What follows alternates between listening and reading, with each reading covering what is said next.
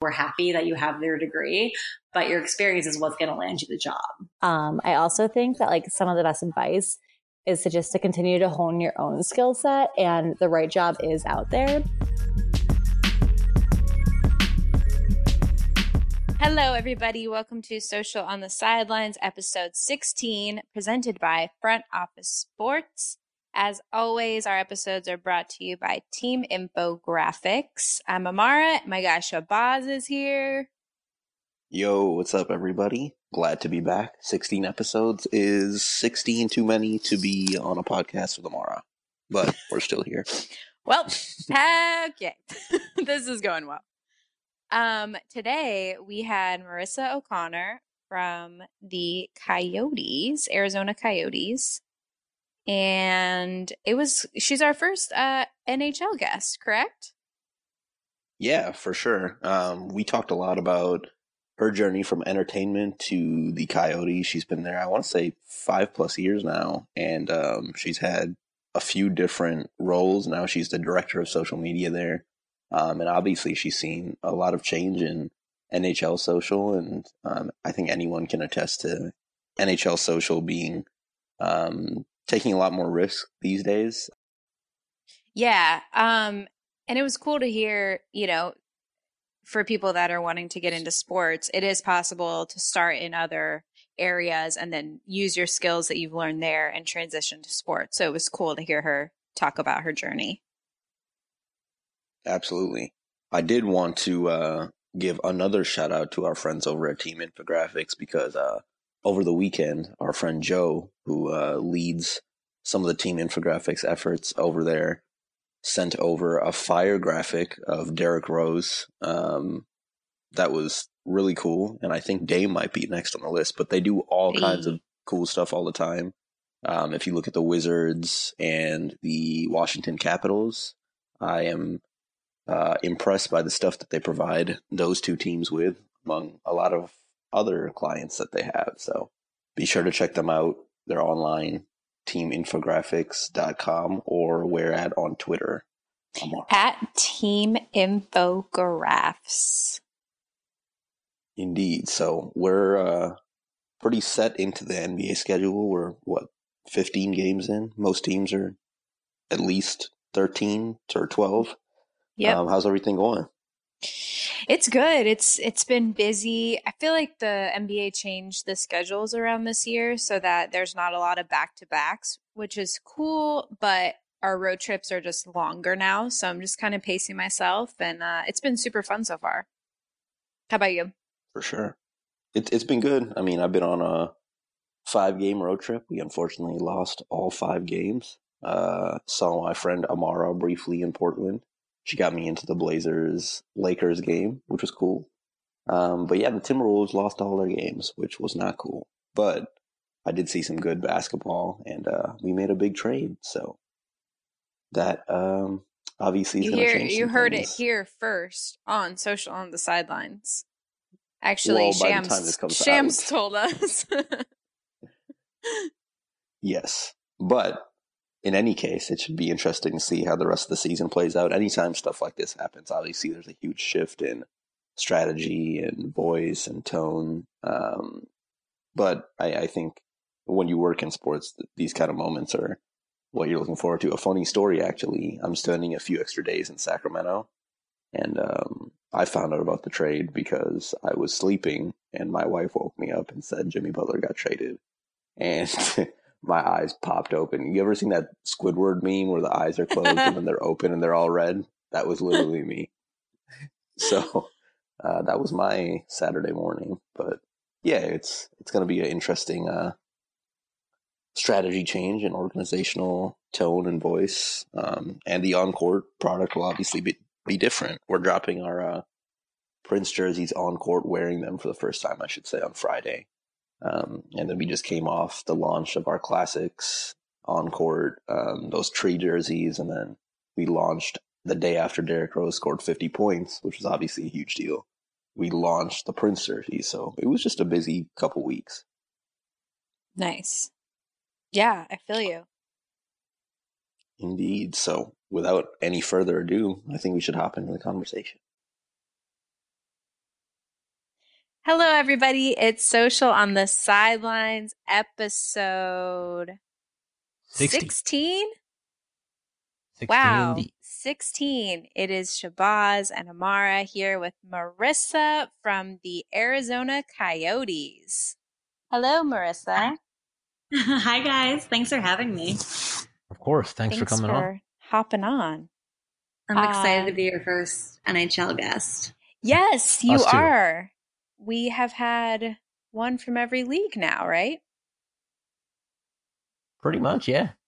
Oh, wait. MLS? Have we had MLS yet? Yeah, Julian. Oh no, no, no. He's not MLS. His brother's in. Okay, MLS anyway. player. Yes. well, yes, this is our first NHL guest. We're super excited to have you. Um, so if you want to just tell everybody your journey. Okay, yeah. So I have a very atypical journey because I started at E News, which is, um, if anyone doesn't watch, it's entertainment news in Los Angeles. And so I kind of always, I went to school for journalism, always thought I would do health and fitness or lifestyle news. And I worked at E News for three years, which I loved. It was a lot of fun. But while I was there, I also freelanced for the United States Olympic Committee during Sochi, which feels like forever ago now.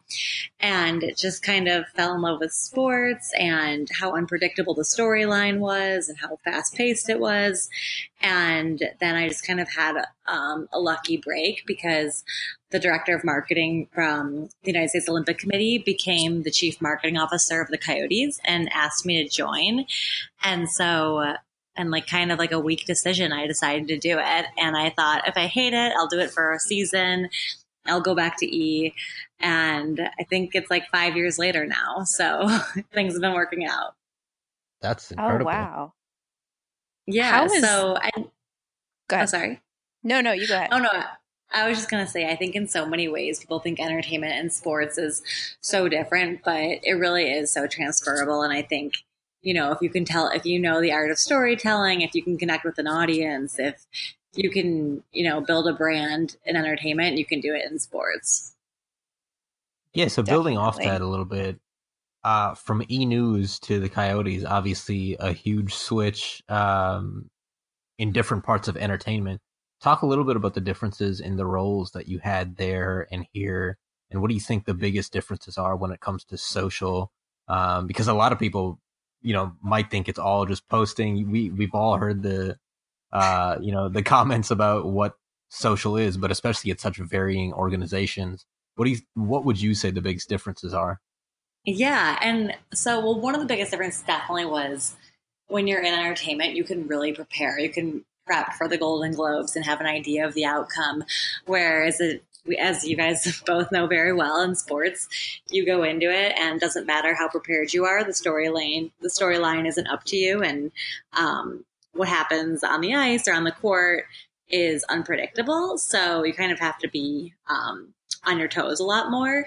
But um, that being said, I think in entertainment, like, part of the reason the Coyotes said they wanted to hire me was that I had an entertainment background and what you're doing on social media, especially these days, is entertaining. So, um, you know, trying to keep people's attention span and trying to get them to engage with your brand. And I think having the entertainment background definitely helped. Um, I'm obviously marketing hockey in the desert, so it's just such a unique job, and um, our overall brand and marketing strategy is just different than a lot of other sports teams. And I think we always say like it'd be different if we were covering the Montreal Canadiens in Montreal. You would just use different diction and um, kind of have a different strategy going into games. But for us, part of it, part of growing our brand has been to keep it really light, to keep it fun.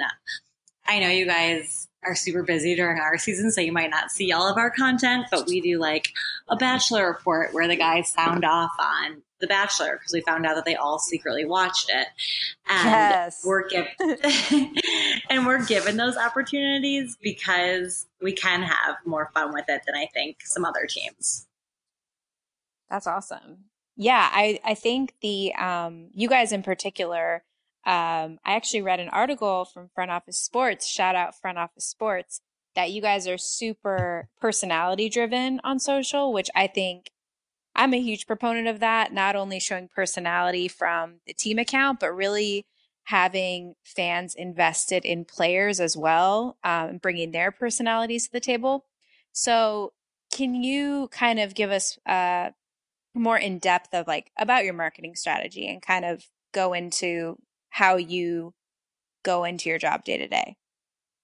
Yeah, and I think so. Our social strategy it's just it's so much bigger than just social and marketing. So um, all the way up to our GM. So we have the youngest GM in professional sports. John Chayka. So he's 29 and oh my our CEO is in his young 30s. Yeah, it's so it's a pretty unique um, atmosphere. We often will say it's like um, a startup atmosphere where we're kind of all just trying to grow the brand and market hockey in the desert, but also do it differently. And I think that's something we're saying a lot is we can't just look at what the New York Rangers are doing and try to make that work for us. We have to, our audience is unique, our audience is quirky. So we have to have um, a different approach to things than a lot of other teams. And I think the NHL, especially, can be really old school. And we've been able to embrace being different. And there are some other teams doing the same thing as us, but um, I think we've had some more unique opportunities. Like our GMs let us let our video production team sit in on draft on calls before the draft. Um, so they're able to put together this whole all access show. And um, most GMs in the NHL would never dream of that and might not even follow their team on Twitter. But ours has always been really embrace that, and they also understand that we are building a brand that requires us doing things a little bit more unique.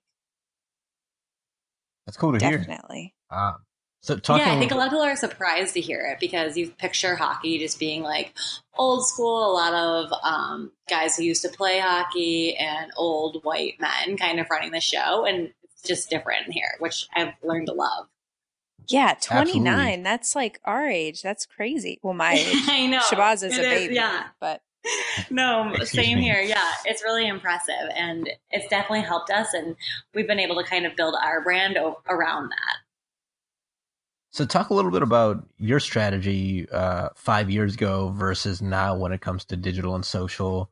How have things changed? Um, what did you see back then that just doesn't exist anymore? And on the other side of things, uh, what's something that you know you never thought would have came to fruition, and now it's an everyday part of your life? Yeah, those are good questions. Um, so I think a big part of when we first started was just the nonstop game coverage and the play-by-play analysis and uh, everything you could ever ask for from the game. And our approach is just so different now. Um, we rarely ever share when the other team scores, and that's something that even like up to last season we were doing. And now we're just like, well, our fans aren't engaging with that content. If they want to know the score, they can Google the score, they can download our app, they can turn on a TV. There's plenty of ways to figure out the score. And so we've really tried to use utilize our in game to not only um, to not only feature highlights and what's happening that's going well, but also we take a really big customer service approach, which is I think I think something you should double down on when your team's not performing as well. So we put a big emphasis there. Um, we also just try to really be inclusive to our fans. So our hashtag this year is our pack. And we're like, all right, if we're going to do this, we're going to do it really well. And so that's something that we try to feature in every home and away arena is our fans and the signs they've made and try to really um, showcase them and their storylines, not just the players.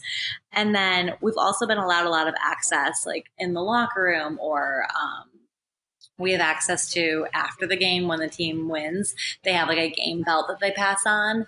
And that's something that I remember my first year we talked about asking for that access and it got shot down so quickly. And we were just like, okay. So I think for like two years we just never asked again. And then we brought it up again like a year ago and it's like, yeah, that shouldn't be a problem at all. And we were like, what? like if we had known that, we would have been doing it. So I think just in general, our whole company has gotten a lot more forward thinking and social isn't the wild west to them anymore. And um, we've gotten a lot more buy-in from the top, which has allowed us to be a lot more creative. And because we always say, like, we want our social media to provide this insider access that money couldn't buy. So it doesn't matter if you've got glass seats or you're sitting in the BMW lounge. We want our social to bring something that money couldn't buy. that's awesome. I like that quote a lot. Yeah, I like it too. Um, so Thanks, kind guys. of going backwards a little bit, um, you know, because you had a different start in sports, can you, a lot of people that listen to this podcast are trying to get into sports or trying to figure out a way to get into social media. Can you speak to your start in entertainment and kind of would you recommend that? Is that something that people should look into if they want to um, build on that and possibly switch to a different field? Yeah, and I think so. I think in some ways the sports world can seem so intimidating. Like you're in, either in it or you're on the outside, and Yeah. there's just not a lot of gray. And that's what I think I loved about doing the Olympics is I wasn't like questioning my skill set because it seemed like the overlap between entertainment and sports. So I knew I had entertainment. And I think if I had never done that, I never would have thought I'd be good enough to do sports, to cover sports, and especially um, hockey. Like I obviously never played hockey. I grew up in Buffalo, so I grew up around hockey, but I never played it. And I remember like the only person really doubting myself when I started was myself.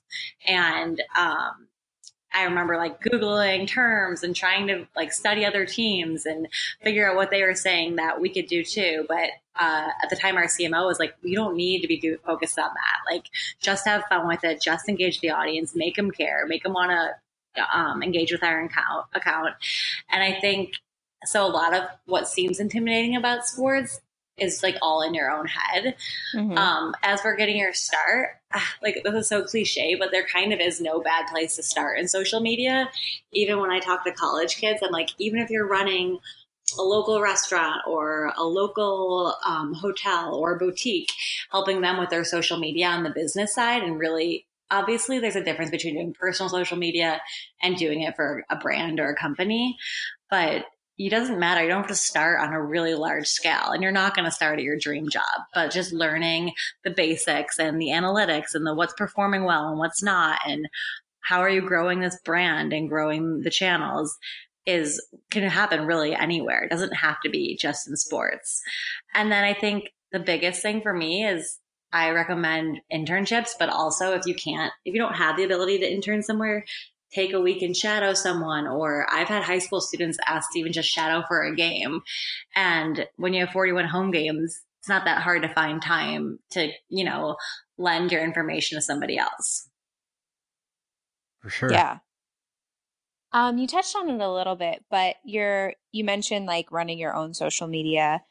I agree it's not the same as obviously running a brand, but I do think it's a really good opportunity for people to kind of hone skills in engaging, you know, other people, whatever, yada yada. How do you balance like your own personal social media and building your own quote unquote brand and still, you know, being I don't know, uh, the voice behind the coyotes. Yeah, that's actually a great question. I feel like you're one of the best at that, so maybe you should be answering that question.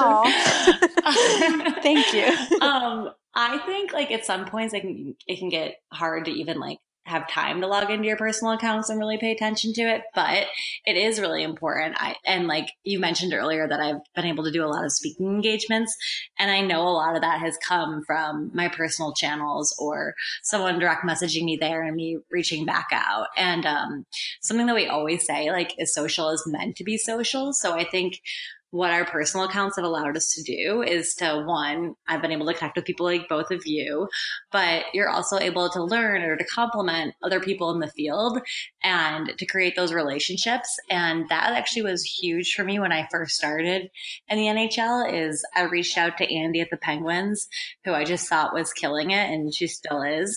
But I was like, hey, like, how does your strategy work? Or I remember asking her, like, how do you guys all get on the same page? Like, how do you get marketing and PR and your team reporter and your in-game host? Like, how does everyone come together to work um, to work on your social media strategy and your videos. And she was like, Oh, we do this content meeting on Monday mornings at 10 and everyone brings their ideas. And we copied that. And now we've been doing it for three years. And it's just things like that that when I was in entertainment, I'm like, I would have never called someone at people and said, Hey, how does your strategy work? Like, how do you get this going? And so that's something that I think the SM sports world really is helpful for is that people want to see you succeed and we're kind of all in this together. For sure. That's a good point. Uh, so one thing, especially five plus years and five specifically in Arizona, um, we talked about it a little bit, but talk about some of the programs and uh, the strategies that have evolved um, when it when it comes to that stuff over the years. What have you seen as something you've had to learn on the fly in terms of programs, graphic design, etc.? And what would you recommend people that want to get into the industry or maybe are already in but want to continue to learn? What do they need to do to make themselves better social media professionals? Yeah, and I I mean, I feel like it's so much harder today than it was a few years ago to get into the business because so uh, my title is director of social media strategy. So I'm very much like the quarterback, talking to our producers and our graphic team, our graphic design team. Um, but so many people coming in today, I think graphic design is a huge skill to have. I think even just being able to have like the photojournalism skill set and being able to tell a story with a quick iPhone photo is really important. Um, obviously editing photos was never a thing that we were doing in 2014 we were just throwing something up. Now we very rarely for our instagram throw up an iphone photo. We have to like really think about it if we're going to do that um, so i think there's like all these small unique things that you can really hone in on and really do a, a really good job at to make yourself stand out even like we were hi- we're hiring a social media associate for the season and just seeing these resumes come across they were like beautiful pieces of artwork with all this graphic design skills that was never a thing a few years ago. So I think being able to make yourself stand out, but at the end of the day, I still fall on the experience. And um, I remember when I was building my resume in college, someone was like, "Oh, don't lead with um, your GPA and your college and your minors and your majors, they're like, lead with your experience. Like, let people know that you interned for Barbara Walters at the View. Like, that's going to get you more than a 3.7. And I remember being like, what? Like, this is so foreign to me. And I give that advice to everyone because that is what sticks out right away is like, where did you intern or what experience do you have? Even if it's writing for your personal blog, like lead with your experience because it's great that you you know took marketing 101 or took basic writing and editing. Like we're happy that you have your degree but your experience is what's going to land you the job. Absolutely. Definitely. Okay i feel like so there could I'm... be a whole podcast just on like life advice for when you're first applying to jobs. Yeah man it's it's so scary because i was on the opposite side of that where i didn't have a lot of experience at all. And it's really hard to get employers to take you seriously when you know you you don't have stuff on your resume. Right. And i talk to all these college students and they say like well every job says two to three years so where do i get those two to three years of experience? Yeah. and like that is I, like what do you even answer that? I remember having the same question when i was that age. You're like um, good point, but hopefully they're not all like, hopefully they'll take you anyways. Like, yeah, you don't know what to say. And so that is, this is a little different because it's entertainment. But when I was applying to e news, um, I was like, okay, this is just a shot in the dark. Like every 21 year old girl wants to work at e news. And, but I remember noticing that they had a job where your weekend was Tuesday, Wednesday, and your hours were 2 to 11 p.m. So I remember being like, oh, like being strategic, I was like, well, no one's going to want those hours. Like, I'm just going to apply. And I think six hours later, they called me for an interview. So I think I was probably one of like 10 people who applied to that job. That's and, so funny.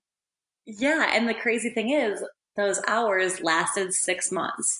So like those six months of not having a true weekend, which now, hello, we all work in sports. We, what is a true weekend? I don't even know. But at that point, taking that risk and deciding I was just going to do it. I didn't, I didn't know if it was going to be six months or three years. Um, but it really paid off. And so that's something I always say to college students is just be willing to do what others won't and like know that it's going to be temporary. Just want to take a quick break from this episode to let you know that today's episode and all episodes are supported by the University of Miami's online graduate sport administration program. It's a top ranked graduate program with a highly respected reputation among employers and designed with your schedule in mind, offering the flexibility needed for professionals looking to break into or advance in the sports industry. Make sure you check out the program at miami.edu slash online. That is a great point. And going off of that, every, you know, obviously sports are like everyone wants to work in them. Sports are amazing, but there is also the side of sports that are tough, and ours are one of them. So, if you want to just talk a little bit about the challenges that you've faced working in sports, um, so that people people know people know the other side of it as well. Yeah, and actually, this is another thing that I feel like I've been talking a lot to a lot of people about this because you you don't want to show too much on your personal social media to make people think like, wow, like this is the greatest thing ever. But you also have pinch me moments where you're like, wait, this is the greatest thing ever. Right. Um, so it's like a very um, fine line. And um, but I think one of the hardest things, and I'm sure you guys would say the same thing, is like we're just extremely short staffed. And any way you slice it, we could have a million other people on our team. And I remember when I was making the transition from entertainment to sports, I spoke to one of the reporters at E and he said to me, You're going to go there and do 10 jobs here. And I remember being like, What? Like, what are you talking about? But I think I actually am doing what 10 jobs at E News is. So I think like the pro to that is that you learn so many different things. You get thrown out of your comfort zone so fast and you never go back to your comfort zone. And the con is that you feel like you kind of feel like your work's never done. And I was saying this, the last panel I spoke on where like a lot of times you don't go to even on like a great day of content you don't go to bed being like wow i crushed it today you go to bed being like oh i should have said this or i could have changed that or I forgot to put that on Facebook too, like would have done well. like there's always something that you're wishing you had done a little bit more of. And I think with all these platforms and like, I mean, even the emergence of Instagram stories, I think this season, even compared to last year, like last year we were kind of just throwing things up there, like having a presence. And now, like, especially NBA teams, I've just been so impressed with the way people have been able to use Instagram stories um, during games, but even on a regular day. So I think part of that, and I hate to say it's a negative because it's also a huge positive. I think in the way it's like what we all crave in social media, but you wake up the next day with so much to learn and so much to test out, um, and so much to research and have fun with. But at the same time, the struggle is like, where is the balance? I don't know. Still trying to figure that out. Yeah, uh, let me know when you figure it out.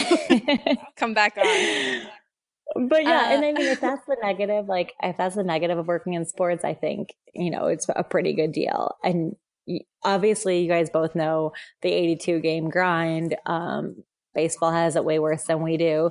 Yeah. But even when we say that, I'm always like, but aren't games the best part? So yeah, I don't really sure. know why we say that, anyways. yeah, I mean, yeah, I, I totally agree. I guess my other question for you is so you've been with the Coyotes for five years.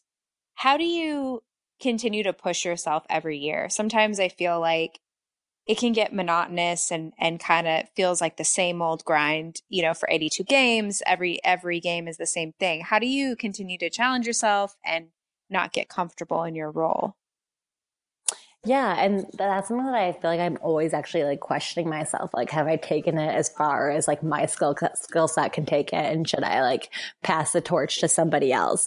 But then you like, you know, you have more creative sessions. You think of more ideas. You yeah. have an off season that allows you to sleep, and you realize like you have so much more to bring to the table. And I think our I don't know like what your experiences have been, but my um, actual team, like the players on the ice, has changed a lot. So mm-hmm. each season, it's kind of like there's new storylines, there's a new superstar, there's something we haven't done before. And um, last year, we brought on Paul Bissonnette, who was a former player who's just like the most hilarious human, has an amazing social media following. But we brought him on as a team ambassador and reporter. So it's allowed us to just have so much more fun because the guys open up to a former player and they have conversations that they just wouldn't have with a regular reporter. So that's a lot that last year allowed us to bring on the Bachelor Report. Um, we do this show called Road Tripping with Biz where he goes, well, while we're playing in people's hometowns, he walks around the city with them and they share their memories of like growing up there and what makes it unique and the food scene and all of that. So by bringing him on, we almost like opened up this like whole new level of content. And um, our whole strategy is like we can't base anything off of games or off of wins and, Mm-hmm. or capitalizing on win engagement. So we can capitalize on like these guys have really fun personalities and no one sees hockey players' personalities because they don't want to show it to you. And then um, also these guys are doing a ton for the community. So how do we share that? Because they've always been doing it, but no one's telling the story. And um, it's no secret, like in Arizona, we're the fourth most popular sport. So we're not going to like lead the nighttime news. However, like we have our own media outlets on our channels and on their website. So let's share what they're doing in the community. Let's share what good guys, um, what great of guys they are. Like, let's share that our captain donated $100,000 to the Boys and Girls Club on his own, but didn't want it in the news. Like, that's like what makes hockey players so great. Yeah. Absolutely. It's really cool. And so, yeah, so I think like well, when we have those Monday content meetings, a lot of it is around like, yeah, we'll glance at our game schedule, we'll glance at like the storyline. Um, but a huge part of it is okay, so here's what we already have planned, and like here's what we can control, and it has nothing to do with whether they win or lose on Tuesday. It's a great point.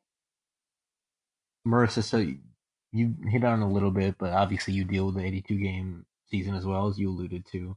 Um, given the amount of work that all social media professionals in sports have to endure, how do you personally deal um, with just ensuring you're not burnt out? You come in with a new creative mind every day, and you're able to to do your best while not being overwhelmed too much.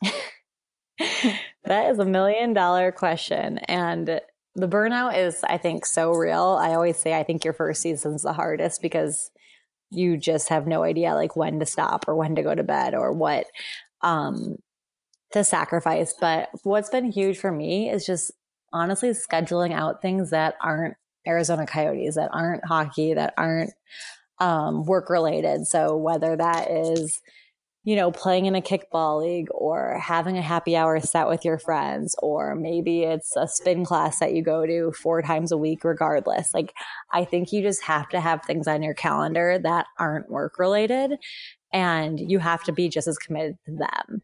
And I think for a lot of people that sounds crazy, but you kind of have to have like, okay, this is the thing that I'm going to stop working for an hour for or for a few hours for just to make yourself kind of, and by the way, that's only going to inspire your work. Like every time I feel like I'm on a vacation or um, a quick trip or out to a new dinner, or having a new experience, it only inspires your work. You only become more creative. You only become more immersed in pop culture. Um, you only notice more how people are engaging with content or um, even going to a sports game that isn't in your city or your sport and seeing what people are reacting to. Like that's only going to make you, you, you better at social media. So, um, that's something that I preach, like, especially when our interns start, I, I always say like, college is only four years. So like, I don't want you to miss your sorority formal if that's important to you. Or if it's your best friend's 21st birthday and you tell me three weeks in advance, you're going to be at your best friend's birthday because there, like, there has to be a balance and it can't just be work. And I think someone once told me like work life balance is like a teeter totter and like, it's never going to be completely balanced, but there's going to be weeks when you work a ton, but there should also be weeks where you have fun with your friends and you make other things happen. So that's kind of been like part of what's kept me sane. And I think sometimes I like share this information with younger people just so they can like hear it from somebody else. Cause you know, like when you first start, like you want to be able to do other things, but you feel like you can't, or like your worth, work ethic will be questioned. And like, I don't think anyone in social media's work ethic is questioned. And if it is, they're probably like out of the job really quick. Yeah, that's so funny you say that because today, literally, I, I asked my boss, I was like, hey, can I leave at four? You know, I, I have to, I have to like run an errand. He's like, oh, like, you know, I'm so mad you're leaving at four, but you're going to be working 15 hours tomorrow. Like, yes, leave at 3.30, you psycho. like, what is wrong with exactly and part right and part of that is just kind of learning to stick up for yourself too on some things and like i think when you first start you don't even know it i would like you would have been scared to ask that question but then like the more comfortable you get and the more people understand like the grind you do and i mean social media is still relatively new and I, someone told me once like your boss isn't going to truly understand like VPs aren't truly going to understand the grind of social media until we get to the day and age where a VP was once a social media yep. coordinator or a social mm-hmm. media manager. And I was like, that's such a good point. And um, Lindsay, who I worked for at NBC Sports during the Olympics, is now a VP. And she's like, I think kind of like the first person I've noticed that like she started social media at NBC. Like she started in PR and branched off and was the social media coordinator or manager and grew this whole social media um, community engagement team. So it's like we're just getting there where VPs have truly like been there before, which I think is cool. Definitely. Well, do you have any advice that you would like to share with our lovely listeners? Oh, gosh. Um, well, I think some of the best advice I think is just honestly like don't get caught up in the comparison game. And I remember when I was a senior, just seeing what other people were doing or what other jobs they had already landed. And, you know, you kind of scramble and maybe try to insert yourself into a role or a career path that isn't what you actually want. So I think just like remembering to really stay true to yourself, which is such a cliche these days, but it's so important when you're like trying to find your first job to not um, get caught up in what everybody else is doing. And um, I also think that like some of the best advice is to just to continue to hone your own skill set and the right job is out there. And um, also like I always say this in classes, but like don't be afraid to like pitch your own pitch your skill set to a company that like you admire that you think could use social media help or could use better email marketing. I don't even work in email marketing, but like when I get a poorly written email, it like drives me insane because I'm like, someone could be doing a better job at this. So I think kind of just not being afraid to, the world definitely needs your skill set, like journalism and storytelling and marketing have like never been more necessary. So I think don't be afraid to just pitch yourself. Great advice. Straws, do you have anything else? Okay. Well, oh, I'm going to take that. I'm going to take that as a no. Wait. Thank you. Oh, sorry. I'm, I'm here. I, I thought I put you to sleep. no, I was talking, and for whatever reason, my mic was unplugged. Uh, yeah, I do have uh, one final thing for you for any aspiring NHL specific media members or social members. What do they need to know coming from somebody uh, with your experience to make it in the NHL as a media or social media professional? Yeah, so it's ironic that I'm giving this advice because I didn't come from a hockey background, but I had covered an Olympics that was pretty um, hockey was a big emphasis of, of Sochi. And I think just having the tiniest bit of hockey experience on your resume, whether it is college hockey or high school hockey or um, you know, a minor league team, people in hockey just love seeing that you had hockey experience and that you've covered it before. So I, even though I'm like the anomaly and I didn't, I, you know, came from covering the Kardashians, but having just the tiniest bit of experience goes such a long way because there's so many people who've never done hockey that your resume instantly becomes one that you're like, okay, well, like they've done this a little bit before. So, um, and that being said, like it does not need to be the NHL level. And I think in a way you learn more in minor league or college hockey anyways.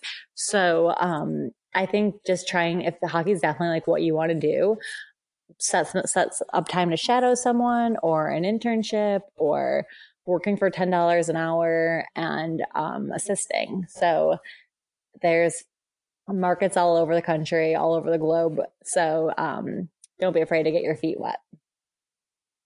Awesome. Thank you so much for uh, hopping on today and spending your night with Social on the Sideline. yeah, of course. Thanks for having me, guys. Of course. Thanks for listening to today's episode of Social on the Sidelines, brought to you by Front Office Sports. As always, our episodes are brought to you by Team Infographics. Make sure you check them out for all your fire digital content needs. Where can you find them, Boz? teaminfographics.com or on Twitter at teaminfographs.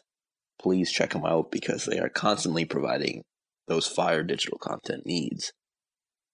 Um, so I want to wish everyone a happy Thanksgiving. Not sure if we'll talk to you guys before then. Um, probably we'll talk to you after. So, happy Thanksgiving.